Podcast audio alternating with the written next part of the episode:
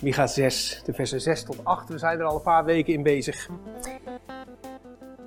Wat kan ik de Heer aanbieden? Waarmee hulde brengen aan de verheven God?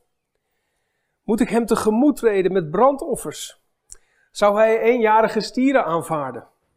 Kan ik hem gunstig stemmen met duizenden rammen, met olie, met, stromend in, uh, met olie stromend in tienduizend beken? Moet ik mijn oudste kind geven voor wat ik heb misdaan? De vrucht van mijn schoot voor mijn zondig leven? Er is jouw mens gezegd wat goed is. Je weet wat de Heer van je wil. Niets anders dan recht te doen, trouw te betrachten en nederig de weg te gaan van je God. Voor het thema van vandaag lezen we uit Matthäus 13. Daarboven staat gelijkenissen over het koninkrijk van de hemel. En in dit geval de gelijkenis van de zaaier. De versen 1 tot en met 9. En ik zou je willen uitnodigen als je thuis bent vandaag, lees ook de rest ook eventjes door. Ongeveer tot en met uh, vers 23. Maar vandaag vers 1 tot 9. Die dag verliet Jezus het huis en ging aan de oever van het meer zitten. Er kwam een grote mensenmassa om hem heen staan. En daarom ging hij in een boot zitten, terwijl de menigte op de oever bleef. Hij sprak hen uitvoerig toe en vertelde gelijkenissen. Iemand ging eens naar zijn land om te zaaien. Tijdens het zaaien viel een deel van het zaad op de weg. En er kwamen vogels die het opaten. Een ander deel viel op rotsachtige grond waar maar weinig aarde was en het schoot meteen op omdat het niet diep in de grond kon doordringen. Toen de zon opkwam verschroeide het en omdat het geen wortel had droogde het uit. Weer een ander deel viel tussen de distels en toen die opschoten verstikten ze het zaaigoed. Maar er viel ook wat zaad in goede grond en dat bracht vrucht voort. Deels honderdvoudig, deels zestigvoudig deels dertigvoudig. Laat wie oren heeft goed luisteren. Lieve mensen, lieve gasten, lieve crosspointers, lieve mensen thuis die meekijken. De afgelopen weken zijn we in één vers van Micha 6 gedoken. Vers 8. Waarin een oude profeet het volk van God en dus daarmee ons ook een aantal opdrachten van God geeft. Recht te doen, nederig te wandelen en trouw te betrachten. Oftewel, lief te hebben. Nou, nu staan er wel meer uitdagingen en wetten en bepalingen in het Oude Testament. Maar Jezus bepaalt onszelf er ook nog eens bij als hij de woorden van Micha aanhaalt in een twistgesprek. Jullie letten op allerlei pietluttigheden, zegt hij. Maar jullie vergeten wat zwaarder weegt. Recht, warmhartigheid en trouw. En dat maakt dat we ons die oude uitdagingen toch echt eens moeten en mogen laten aanleunen. En dat hebben we dus afgelopen weken gedaan met als afsluiter vandaag. Eerst hebben we het gehad over recht doen. En niet zomaar tegemoetkoming in de zin van compensatie, maar tegemoetkoming in de zin van iemand anders letterlijk tegemoetkomen. Iemand anders willen ontmoeten. En vanuit die gebrokenheid naar relatie werken. En op die manier naar heling. En daar zijn natuurlijk stappen voor nodig. Stappen in nederig wandelen, hebben we het vorige week over gehad. En daarvan hebben we geleerd dat die stappen, al is het er maar één, alles behalve een gedweeën handeling vormen. Het is regelrechte humble boldness, nederige stoutmoedigheid. En dan komen we dus ook uit bij, bij de derde uitdaging, die van vandaag. Nu we eenmaal snappen hoe we recht kunnen doen en wat voor stappen er nodig zijn, geeft de uitdaging van vandaag ons de juiste mindset en ons de juiste grond. Nou, daarover straks meer. Want we gaan vandaag niet alleen stilstaan bij die laatste uitdaging uit Micha, maar we gaan ook mensen vanuit die uitdaging op weg sturen. Lianne en Kees, jullie straks als nieuwe leiders van onze gemeente en Stef, Marieke en Evan en Micha en Aaron. Straks mogen jullie als gezin een zegen meegeven op jullie weg. Jullie nieuwe start in Amerongen. Daar zijn we bijzonder dankbaar voor. Maar eerst eens eventjes die derde en laatste uitdaging uit Micha 6 vers 8. Nou, in verschillende vertalingen staat er van alles en nog wat. En, en die uitdaging behelst niet zozeer alleen trouw betrachten of liefde hebben, hoewel dat zeker ook de bedoeling is. Maar het is een term die veel dieper gaat, die in de grondtekst staat. Eigenlijk een ouderwetse term, zoals de goedertierenheid liefhebben, staat er als uitdaging. In de grondtekst staat het er eigenlijk nog vreemder. Er staat zoiets als de liefdevolheid liefhebben. De uitdaging is dus eigenlijk om het liefhebben lief te hebben. Het dus niet alleen je best doen om aardig te doen tegen Jan en Alleman, ook tegen die vervelende buurvrouw of die nare collega of kennis of wat dan ook, maar het leuk en fijn en aangenaam vinden om die ander zelfs lief te hebben.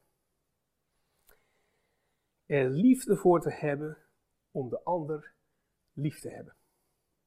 Dat is de laatste uitdaging die Micha ons geeft.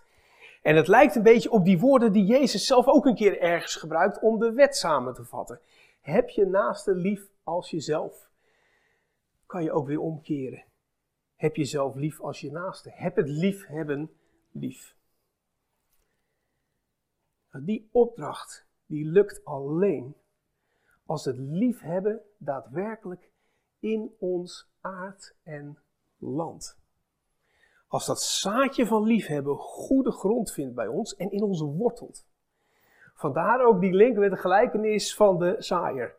Nou, eh, waar die vandaan komt, dat leg ik straks uit. Maar eerst, het begon natuurlijk bij Micha en hoe ik vanuit daar kwam bij die gelijkenis. Ik bleef in Micha haken bij twee woorden. Als eerste het woord mens.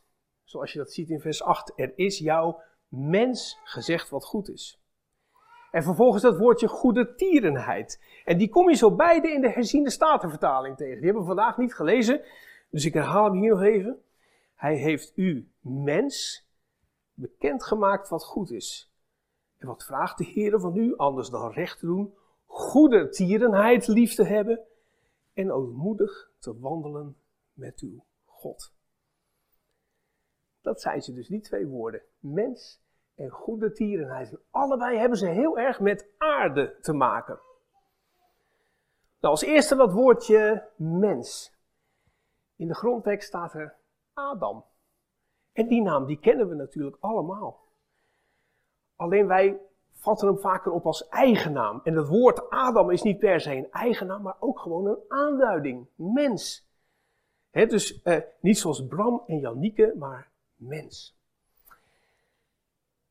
En soms zelfs klinkt het rode mens. Want er zit een connectie tussen het woord Adam en het woord Adama. Wat rode klei of rode grond betekent. In Genesis 2, vers 7 komen de twee woorden zelfs allebei in één zin terug. Worden ze naast elkaar gebruikt. Daar staat: God maakte Adam, de mens, uit Adama, aarde. Om ons er maar even aan te herinneren dat wij geaarde typjes zijn met elkaar. Nou, en dan heb je dat woord goedertierenheid. En dat vond ik in het licht van dat woord mens eigenlijk een hele goede vertaling in de herziende statenvertaling. Heel raak, omdat het zo goed past bij dat Adam en Adama. Want goedertieren is een heel oud Nederlands woord, wat eigenlijk gewoon betekent goed geaard. Tieren is een heel oud woord voor aarden. Je hoort dat mensen nog wel eens in of over hun tuin zeggen, ik in ieder geval over de mijne. Onkruid tiert er welig. Oftewel, dat onkruid aardt lekker. Met andere woorden, als je op die manier kijkt naar die tekst in Micha, dan zou je kunnen zeggen, jij mens, die toch al uit de aarde voortkomt, doet er goed aan om de goedaardigheid in je te laten aarden. Nou, als je door die bril naar kijkt, dan komt er al heel snel die mooie gelijkenis voorbij. Die alles heeft te maken met aarde en met grond. En met de kwaliteit van die grond. Als je verder zou lezen, waar ik je net ook toe uitnodigde in Matthäus 13, ongeveer de versen 18 tot 23, dan zul je ontdekken hoe Jezus zelf die gelijkenis uitlegt. Het zaad waar hij over spreekt, is, de is het woord de boodschap van het koninkrijk. Je kan dat woord horen, maar tegelijk niet begrijpen. En dan zal de duivel het heel makkelijk wegmaaien. Of je hoort het en je neemt het vreugdevol op, maar dan valt het uiteindelijk op rotsen en stenen van oppervlakkigheid en hoeft er maar één windje op te steken en het is weg. Of het valt tussen distels en onkruid, zoals zorgen en belemmeringen. Zodat alle hoop en vreugde verstikt wordt en het geen kans heeft om op te schieten. Of zegt Jezus, het valt in goede grond. Zodat dat het blijft liggen, het kan wortelen, niet verstrikt raakt en zelfs vrucht draagt. Nou, heel die gelijkenis heeft dus heel veel met aarde, met de kwaliteit van de ontvangende grond te maken. Dus met ons ook als rode Adammen, als mensen uit de grond en uit de klei. En is jouw grond niet omgeschoffeld, dan blijft het zaad niet liggen. Dan waait het zo weer weg. En is jouw grond bezaaid met van alles en nog wat, dan krijgen de wortels geen greep. En staat jouw grond vol met allerlei andere gewassen, dan krijgt het geen kans om op te bloeien.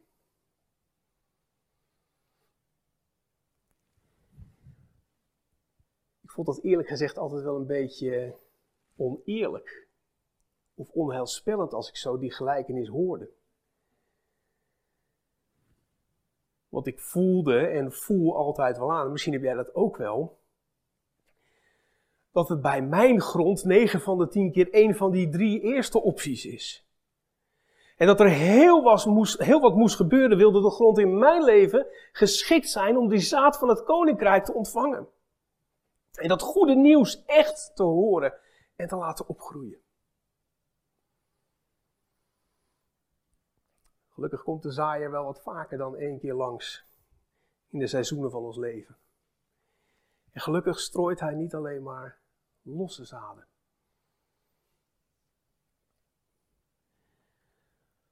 Want stel je eens voor, het woord is in ons, in jou en mij gezaaid.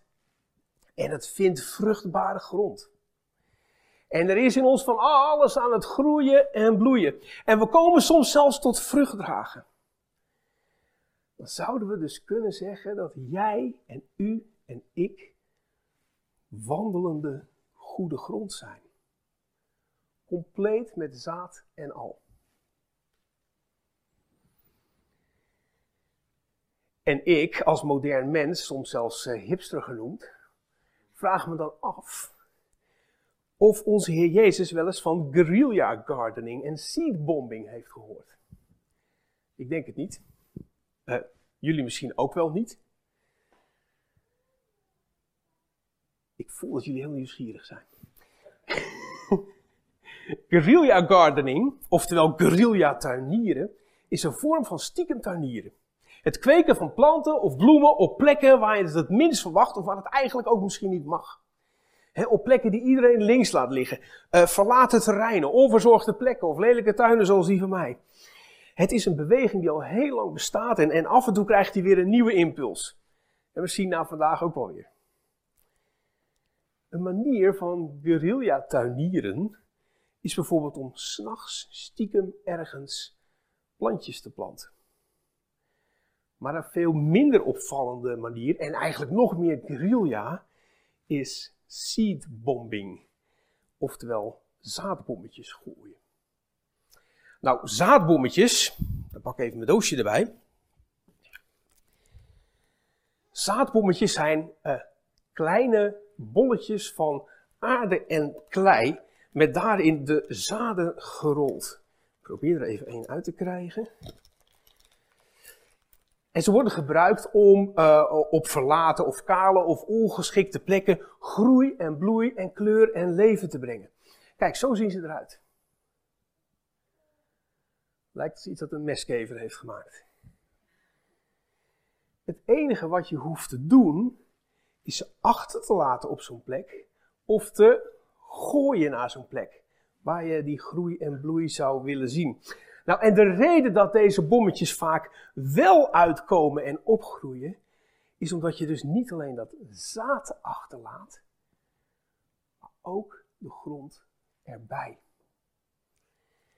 Wat dat betreft zijn wij dus niet alleen wandelende goede grond, maar wandelende zaadbommetjes van het evangelie. Als het goed is, zijn wij op zijn minst wandelende aarde waarin zaad is opgeschoten of dat is aan het doen. En wij zijn dus wandelende, levende zaadbommetjes van het goede nieuws.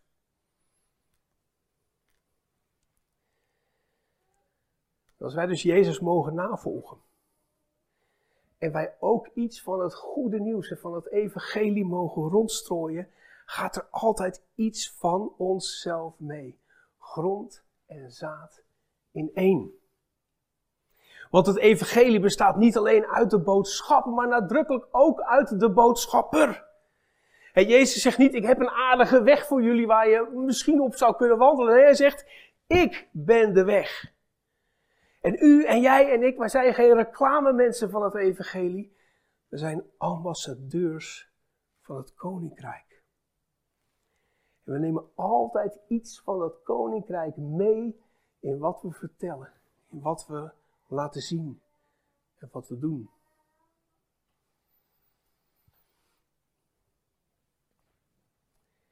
En ik denk dat dat uiteindelijk het belangrijkste en grootste pleidooi is van Micha. Dat we niet alleen recht doen en nederig wandelen en de goede tierenheid lief hebben als soort van verplichte verhandelingen, als vereisten. Maar dat we ze ons volledig eigen maken. Dat al die dingen ook deel van ons wezen worden, van onze aard, van onze DNA. Dat het het spul is waar wij uit bestaan. Zo willen we ook mensen op weg gaan sturen. Welke weg ze ook gaan. Jezus herinnert ons eraan dat het belangrijk is.